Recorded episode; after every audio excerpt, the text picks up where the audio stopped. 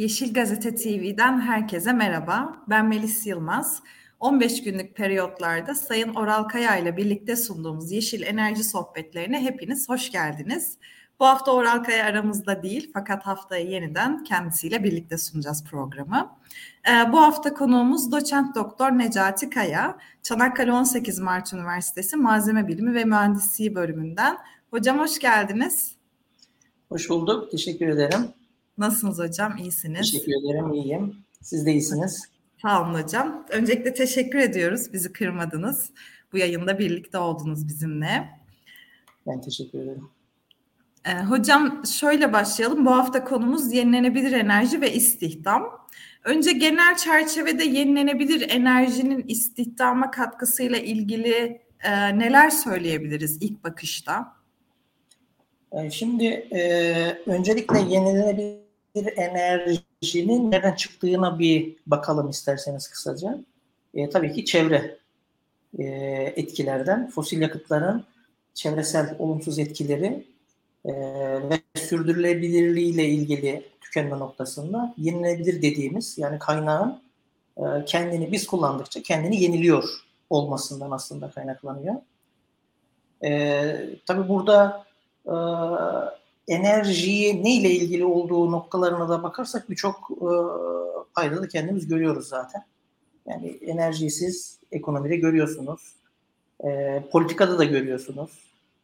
E, işte Orta Doğu politikalarına yakından bakın. İşte günümüzdeki e, savaş durumuna da bakabilirsiniz.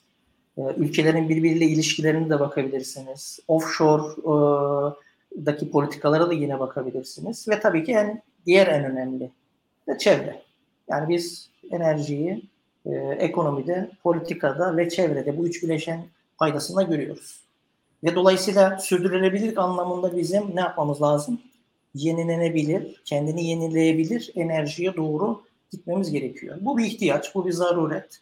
Buna doğru gittikçe de istihdam kısmında da tabii ki ne yapmamız lazım? Düşünmemiz lazım. Ee, şimdi Dünya nüfusu tabii ki her geçen gün hızlı bir şekilde artıyor. Yani 1960'lı yıllarda e, ki nüfusumuz yaklaşık olarak e, 3,5 milyarken şu an 8 milyara dayanmış durumda. Yani iki hatta 3 katı bir durum var. E, Türkiye'de yine 1965'te 30 milyon olan nüfusumuz şu anda 90 milyonlara hatta dayandı. 84 diyelim. E, 1965 yılında bir kişinin tükettiği enerjiyi düşünün. Şimdiki, günümüzdeki bir kişinin tükettiği enerjiyi düşünün. Hem insanların birey bazında tükettiği enerji oranları daha yüksek hem de insan sayısı arttı. Dolayısıyla bu çarpanda ne var? Ee, global olarak bir enerji ihtiyacı var. Yani yaklaşık olarak hatta 3 çarpan 4,5 3 4,5 çarpan oranında bir e, enerji ihtiyacımız giderek artıyor. Diğer tarafta ne var? Kaynaklar kısıtlı e, kaynaklar sınırlı. Bu anlamda da ne yapmak lazım? E, ekstra kaynaklara yönelmemiz gerekiyor. Tabii ki dünyanın yaşanılabilirliğini de bu durumda takip etmemiz lazım. Tabii bugün burada bizim konuşacağımız kısımlar bunlar değil, biraz daha istihdam. Yani şu anda Türkiye'de yenilenebilir enerji paydamız hangi durumda? Onu bir öncelikle düşünmemiz lazım. Ee, Şimdi şu anda e, 2019-2023 Enerji Tabi Kaynaklar Bakanlığı'nın bir stratejik planında öngörülen e, rakamlar var. Şimdi zannediyorum e, birinci slaytta gösterebilirsek yani 2023 hedeflerinde e, bakın burada 2019'daki kurulu güç değerleri ve 2023'te nereye çıkacağı e, ve burada bunların zaten hepsi yenilenebilir enerji kaynağı. Yani biz rüzgarı kullandıkça rüzgar bitmiyor. Güneşi kullandıkça güneş bitmiyor. Zaten yenilebilirlik buradan geliyor. Su kısmında biraz tabii çevre etkileri daha iyi düşünerek yapmak lazım. Aslında bir suyu kullanınca enerji üretirken su bitmiyor. Ama tabii suyu başka işlemlerde kullanıyoruz. Tabii bunu da tabii bir dereyi diğer dereye bağlayarak bu işi yapmayacağız. Yani onu da bir uyarı noktasına vereyim. Ama su bizim için yenilenebilir enerji kaynağı. Biyokütlede de öyle. Hayvansal atıklardan, tarımdan elde ediyoruz. Jeotermal de yine genel etkileri olmayan. İşte bunlar için değerlerimiz bakın 2023 e, hedeflerindeki rakamlar burada e, Şimdi şunu sormamız lazım. Biz bu kadar megawattlık enerji üretimi için e, neye ihtiyacımız olacak? Yani istihdamda hangi kapıları bize bu açacak? Bu aslında konuşacağız. Bir sonraki slayta bakabilirsek şimdi burada yani arada tabii sorunuz varsa yönlendirin.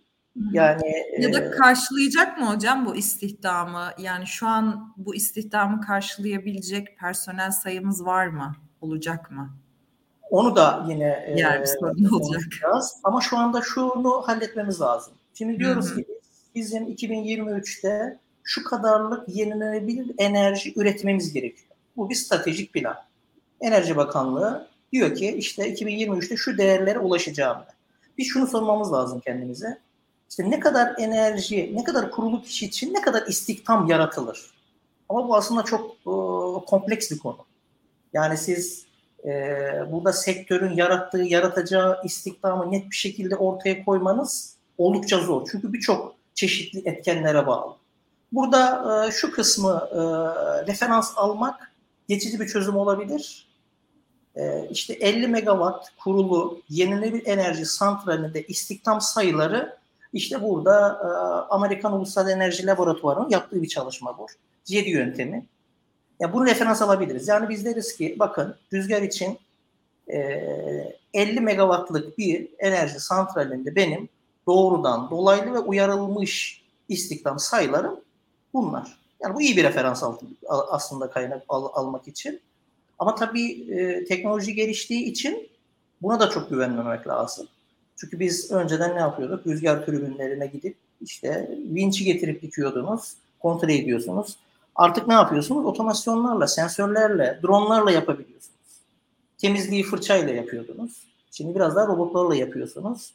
Tabii bu işveren anlamında e, sevindirici bir şey ama istihdama girecek anlamında olumsuz olabilir. Yani sayılar değişkenlik gösterir. Ama şu iyi bir referans. Yani 2016'da CEDI'nin yöntemine göre biz şunu diyebiliriz.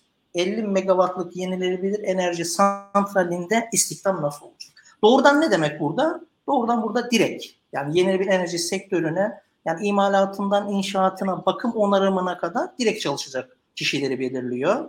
Dolaylı olan e, birinci girdiği yani birinci olarak işte yukarı saydığım e, imalat, inşaat, bakım, onarım bunlara ikinci olarak e, hizmet sağlayan endüstriler var. E, bir de uyarılmış istihdam var. Yani buradaki insanlar para kazanıyor. Bu paralarını harcadığından dolayı ek işler de ortaya çıkıyor. Yani o bölgeye market açılıyor. Hmm. Bu da o zaman uyarılmış oluyor. Çünkü birileri para kazanıyor. Bunun harcayacağı yerler de ortaya çıkıyorsa bu üç başlık altında bu sayılar güvenilir rakamlar olarak alınabilir. Biz bunu tabii ne yapacağız? Kendi sistemimize sistemimize uygulamamız lazım. Bir sonraki slayta geçersek orada hemen tahmini Türkiye için rakamları söyleyebiliriz. Şimdi biz burada ne yaptık? Ee, 50 megawatt için kaç kişi gerektiğini biliyoruz. Bunu Türkiye'nin rakamlarına eklemiş olduk. Ama sadece yenilenebilir, yenilenebilir enerji için bunu yapıyoruz. Çünkü konumuz zaten yenilenebilir enerjinin istihdama etkisi, katkısı ne şekilde olacak. İşte rüzgar için kurulu e, güç karşılığındaki e, işte doğrudan dolaylı uyarılmış rakamlarımız burada. Yani Türkiye'nin e, kurulu gücünde, yenilenebilir enerjide kurulu gücünde tam zamanlı kişi yaklaşık olarak bakın 1.2 milyon kişi. E, 2019'dan 2023'e bu sayı ne kadar artacak? Yani 2019'da 2023 vizyonundaki gelişmeye göre de rakam 150 e, bin kişi civarında ortalama olarak o dolaylarda karşımıza çıkacak. Yani burada iyi bir referans üzerinden alıp e, yenilenebilir enerjideki paydamıza bakabiliriz. Tabii burada şunu da söylemek lazım. Yenilenebilir enerji paydamız toplam kurulu gücümüzün yüzde kaçı? Yani burada işte 2022'nin Ekim ayı rakamlarına göre 103 gigawatt 103 bin megawattlık bir kurulu gücümüz var. Bunun e, yani bunu e, mutlulukla söyleyeyim. %52'si yenilenebilir enerjiden sağlanıyor. Evet. Tabii burada su paydamız gerçekten yüksek. Çünkü e, %30 civarında bir hidrolik dediğimiz enerji katkımız var. bunu yenilenebilir enerji, yeşil enerji faydasında saydığımız zaman aslında yenilenebilir enerji paydasında Avrupa'da da iyi noktada olduğumuzu söylemek lazım. Kesinlikle hocam. Rakamlar gerçekten birçok şeyi anlatıyor aslında bize. Peki hocam bu e, istihdam konusu gerçekten ülkemiz bu konuda personel yetiştirme yetiştirme konusunda destekler veriyor mu? Bölümler nasıl yetiştiriyor bu ilerideki personelleri? Eğitim alanından bir de bakış alabilir miyiz? Şimdi e, Enerji Bakanlığı'nın koyduğu stratejik plana göre şimdi burada şu soruları sormak lazım. Hani tamam biz e, burada CD yöntemi iyi bir yöntem. E, benzerlerini kendi dinamiklerimize göre de yapmamız gerekiyor. Yani burada tamam rakamlar buraya çıkacak ama e, o nitelikte e, personel ihtiyacı nasıl karşılanacak? Şimdi enerji evet. şöyle bir şey, disiplinler arası bir çalışma. Yani siz bir enerji bölümü okuyarak bu işlerin hepsine e, haiz olamıyorsunuz. Yani birçok bölüm okumanız lazım. Yani dört yıllık meselede bu işin hallolması mümkün değil. Yani hangi bölümü ben okursam yenilenebilir enerjide çalışırım dediğiniz zaman şu soru gelir akla. Hangi yenilenebilir enerjide çalışmak istiyorsun? Yani hidrolikte mi çalışmak istiyorsun? Rüzgarda mı çalışmak istiyorsun? Fotovoltaik, güneş ya da biyogazda mı çalışmak istiyorsun? Dolayısıyla hepsinin e, hepsi için yani yönelmek istiyorsanız e, okuyacağınız bölümler değişebiliyor. Ama tahmin de edebiliyorsunuz. Yani ben biyogaz çalışmak istiyorsam çevre mühendisliği, kimya mühendisliği bana ideal olabilir diyebilirsiniz. Ya da teknik, MEO'lardaki bölümlerden tercihler yapabilirsiniz. İşte fotovoltaik okumak istiyorsanız, yani fotovoltaik çalışmak istiyorsanız buna yönelik elektrik, elektronik bölümlerinden e, yeni eğitim alabilirsiniz. Ama yani bir elektrik, elektronik mühendisi inanın seçmeli ders grubunda fotovoltaik dersi almadan da mezun olabilir.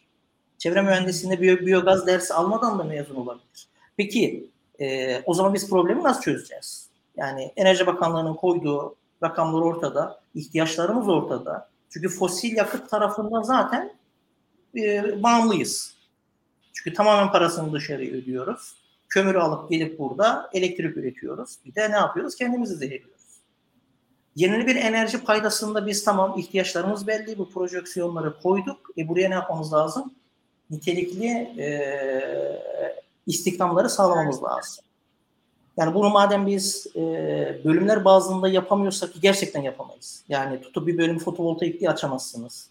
Ya da bir e, rüzgar diye açamazsınız. Hani makine mühendisleri o konuya yatkın olur.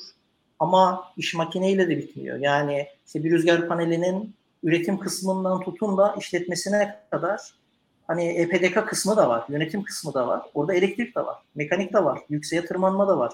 Her şey var. Dolayısıyla ne olması lazım? Bir kişinin tüm süreçlerden mahir olması mümkün değil ama tutacağı noktalar olacak. E bu durumda e, mesleki yeterlikler dediğimiz e, kurum devreye giriyor. Mesleki yeterlik kurumu da 2016-2017'de kuruldu. Yani orada işte bu 15 Temmuz sürecinin getirdiği bir e, gecikme oldu ama kendini toparlayıp şu anda mesleki yeterli kurumu yaklaşık 200-300 meslekte sertifika veriyor. Mesleki yeterli kurumunun onayladığı, orada mesleğin tanımları var, onun ölçütleri var, onun e, veren e, birimlerin kurulması gerekiyor ve e, onların verdiği sertifikalarla beraber siz gidiyorsunuz, diyorsunuz ki tamam ben makine mühendisiyim ama ya da makine teknikeriyim ya da elektrik teknikeriyim ama bak benim bu çalışma yetkinliğim bu belgem var dediğinizde ne oluyor? İşe giriyorsunuz. Çok Peki, pardon hocam. Veriyor. Uygulama uygulama alanın sunuyorlar mı hocam?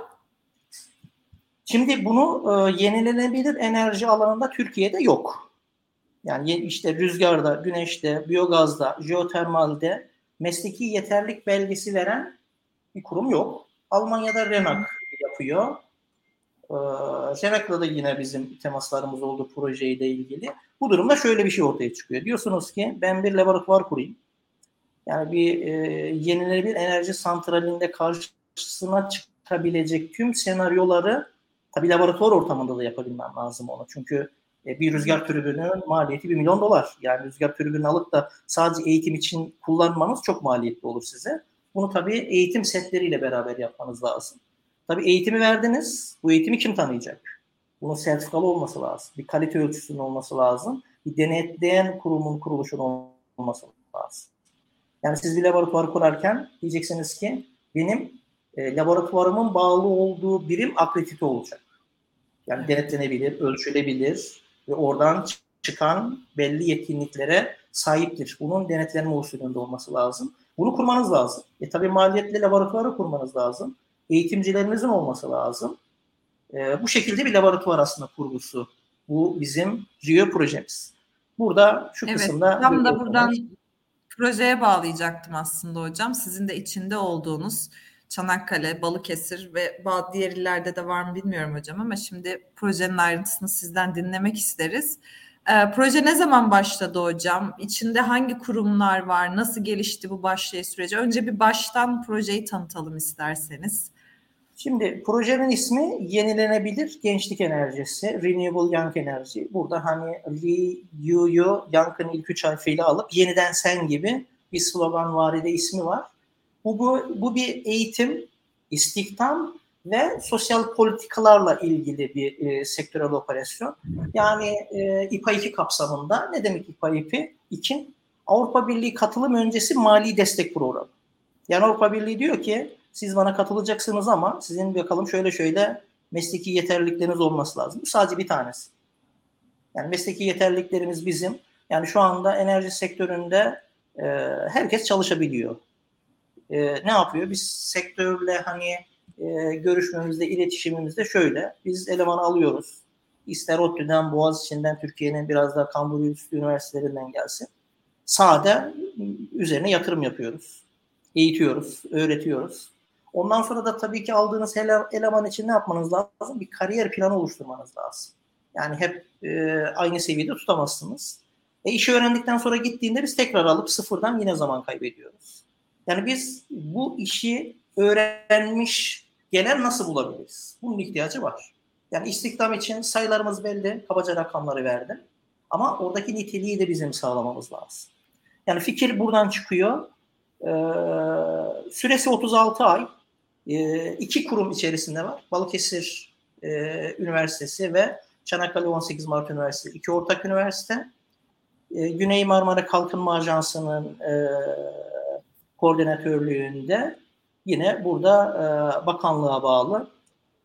E, burada önemli olan bir noktada Avrupa Birliği katkısı yüzde 85. Yani bütçemiz 8 milyon euro. Yani 108 milyon euronun yüzde 85'i Avrupa Birliği'nden gelecek. Yüzde 15'i bizim e, yerli kaynaklarımızdan. Yani projenin e, girişgahı bu şekilde. Ama amaç burada amaç güzel burada bir projenin. Ee, burada Güney Marmara bölgesinde yenilenebilir enerjide. Çünkü zaten şunu ben başta da e, hani söyleme gereği bile hissetmedim. Çanakkale niye önemli? Balıkesir niye önemli? Yani rüzgarı görüyorsunuz. Güneşi görüyorsunuz. E, biyogaz, hayvancılık ve e, tarım bölgede çok yoğun. Jeotermal de yine alanımızda var. Ama jeotermal kısmında destek planında vardı ama o plan dışına hani bütçeden kısıtlamalardan dolayı çıkmak zorunda kaldı. Burada bu üç sektörde rüzgarda, güneşte, biyogazda iş gücü piyasasının ihtiyaçlarını karşılayacak mesleki yeterlilik kurumu ve TÜRKAK akrediteli eğitim merkezleri kurulacak. Bunlar uzaktan eğitim merkezlerimiz SEM'lerde olacak. Bunların altında bu eğitimler verilerek akredite sınav merkezimiz de yine bu merkezlerin içerisinde olacak ve buradan sertifika verdiğimiz öğrenciler ne yapacak? E, yenilenebilir enerji sektöründe istihdam edilecek. Tabii birçok faydası var. Bunun içerisinde ekat eğitimi var. Yani e, yüksek gerilimde çalışma eğitimi var. Ve bunlar şöyle. Şu anda siz gidip e, ben yüksek gerilimde çalışma eğitimi alıyorum diyemezsiniz. Bir firmada çalışıyor olmanız lazım. Orada randevu alacak. Türkiye'de bir iki yer veriyor ve maliyetli. E, bir de e, rüzgar eğitimi var. Yani tırmanma e, yükseklikte rüzgarda çalışma eğitimi var. Bunu da Türkiye'de e, birkaç yer veriyor ama yine euro üzerinden fiyatlar ve sırada da beklemeniz gerekiyor. E, EKAT eğitiminin teoriklerini çömüde düşünüyoruz. Ama uygulama eğitimleri tabii gerilim olacağı için e, operasyon sahasında UH'la, TİH'la bu e, devam ediyor protokoller, çalışmalar. Ama GVO dediğimiz globaldaki o rüzgar türü şeylerimiz vardı, kulelerimiz vardı orada. Görüntülerin bir tanesinde belki koyabiliriz. Küresel Rüzgar Örgütü'nün eğitim uygulama sahası kurulacak ve bunun sertifikasını da burada vereceğiz. İyi tarafı da şöyle, GVO eğitimlerinde işte burada kulemiz var. E, bu kule e, de eğitim olacak. Eğitim zaten süreli oluyor. Yani siz eğitim veriyorsunuz. Eğitim alan kişinin belli periyotlarda yine bunu yenilemesi gerekiyor. Çünkü o dönemde diyelim belki yüksekte artık çalışma kabiliyetlerini kaybedebilir, e, kilo alabilir. Yani bunun tabii e, prosedürleri var. E, yani burada bizim uzaktan eğitim merkezimiz GVO eğitimi veren, bu eğitimi e, sağlayan kurumda olmuş olacak. Bu da diğer bir artı nokta.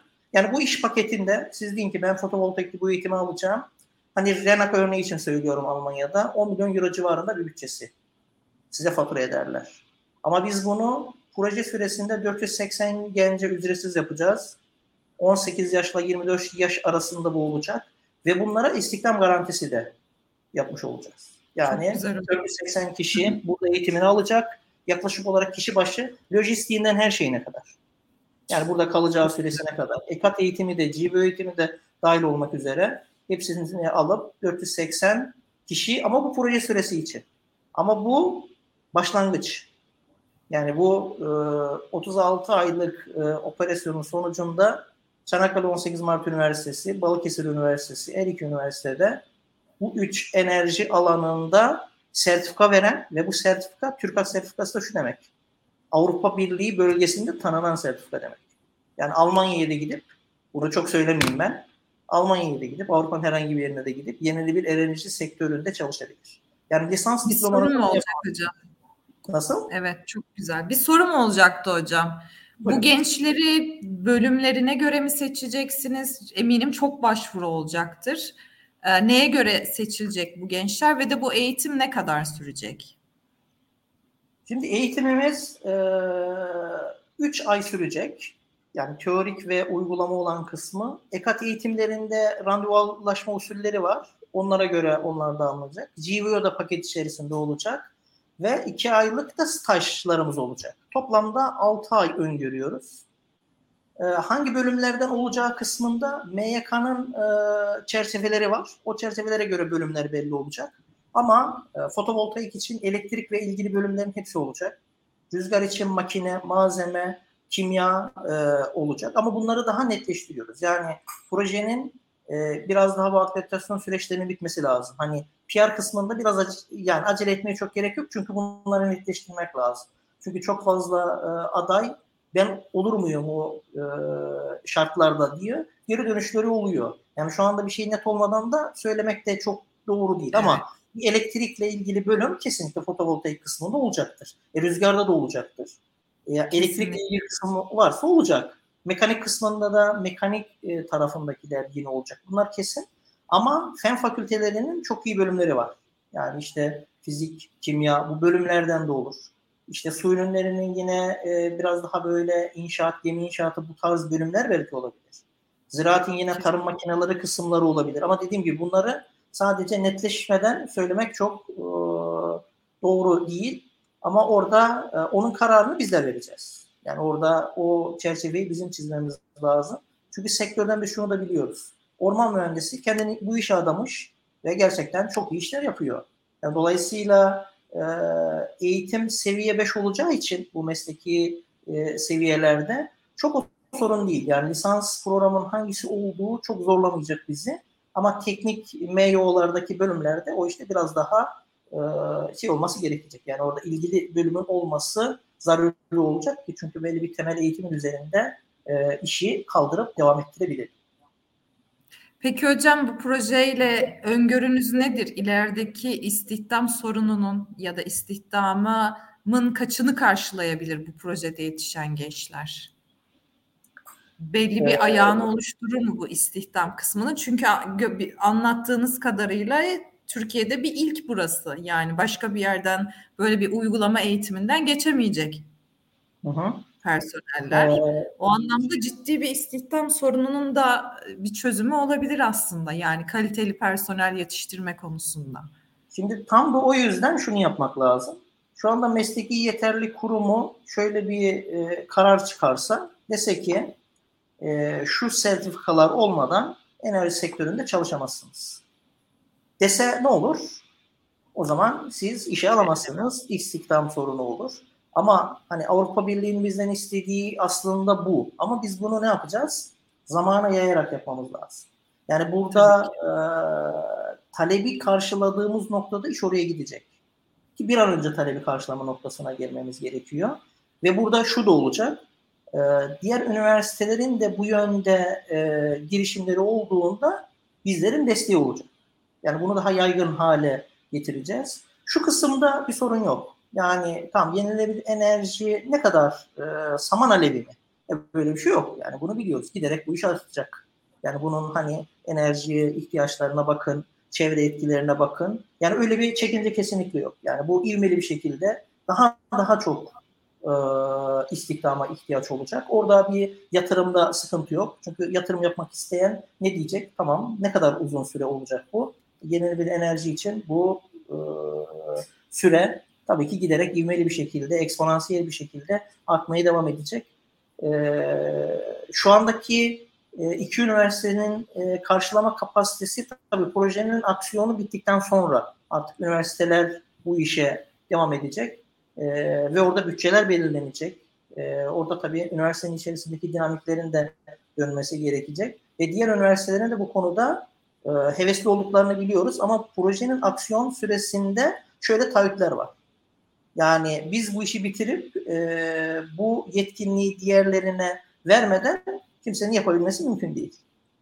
Yani şu anda TEİA sadece e, fotovoltaikte e, sertifika veriyor ama şöyle eğitim yok.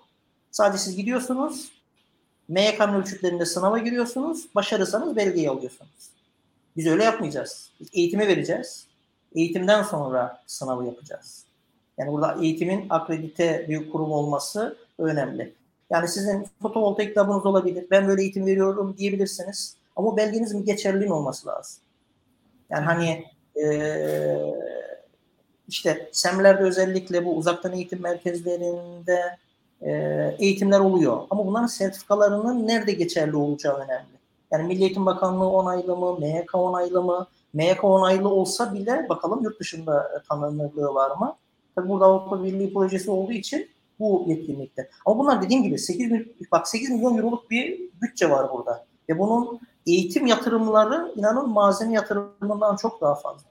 Yani siz kurumunuzu tutup MYK'da e, akredite etmeniz gerçekten o kadar belge gerektiriyor, o kadar emek, zaman gerektiriyor ki burada ulusal yeterliliklerin çerçevesini de bulmanız lazım. Yani onların e, onları geri geliyor güncellemeniz de gerekiyor. Çünkü önce burada ne yapıyorsunuz? Bir anayasasına koyuyorsunuz. Diyorsunuz ki şu meslek şu işleri yapar. Şu yetkinlikleri yapar. Kablo açabilir, takabilir, bağlayabilir, ölçebilir, çatıya e, panoyu takabilir, çatın neyimi şu olabilir, işte rüzgar şu şekilde olabilir, şunu da yapabilir. Onların kurallarına göre e, çünkü sonuçta bu mesleki yeterlilikleri de bir uzman ekip oluşturuyor. Ve bunu sektörle konuşarak e, oluşturmanız gerekiyor. Onların da işte diyor ki e, şu yetkinlikleri yapması lazım benim e, güneş santralinde ya da rüzgar biyogaz santralinde e, çalışan çalışanı ve buna göre mesleki yeterlilik ölçütleri belirleniyor. Siz de o ölçütlere göre labınızı yapmanız lazım. E, ve tabii ki bunun tanınırlığı, bir resmiyetinin onay kısmının da olması gerekiyor. Yani bu aslında e, zorlu bir süreç. Ama biz Kesinlikle şöyle diyeceğim. E, rampayı aşağı döndük onu söyleyeyim. Çünkü %70 artık, artık halloldu. Laboratuvarlarımız kuruldu. Akreditasyonlar devam ediyor. Akreditasyonlarda yetkilendirilmiş e, belge kuruluşu uzaktan eğitim merkezimizi yaptık. Ya bir de iyi tarafı şu, yani siz uzaktan eğitim merkezinizi ulusal yeterliliklere göre akredite ettiğiniz zaman bir de meslekleri MYK'ya göre akredite ediyorsunuz. Mesela çalıştığınız alanda bir şey söyleyin. Mesela ben su analizi yapıyorum. Geleceksiniz sene diyeceksiniz biz su analizi yapmak istiyoruz. Şu kadar labla ilgili altyapımız var. Biz MYK karşılığına bakacağız. Hangi meslek tanımında bu var? Ne istiyor? Ona göre labınızı geliştirip MYK'ya başvuruyorsunuz, akreditasyonu alıyorsunuz. Artık sizin yaptığınız oradaki işlemlerin hepsi tamamlanır oluyor.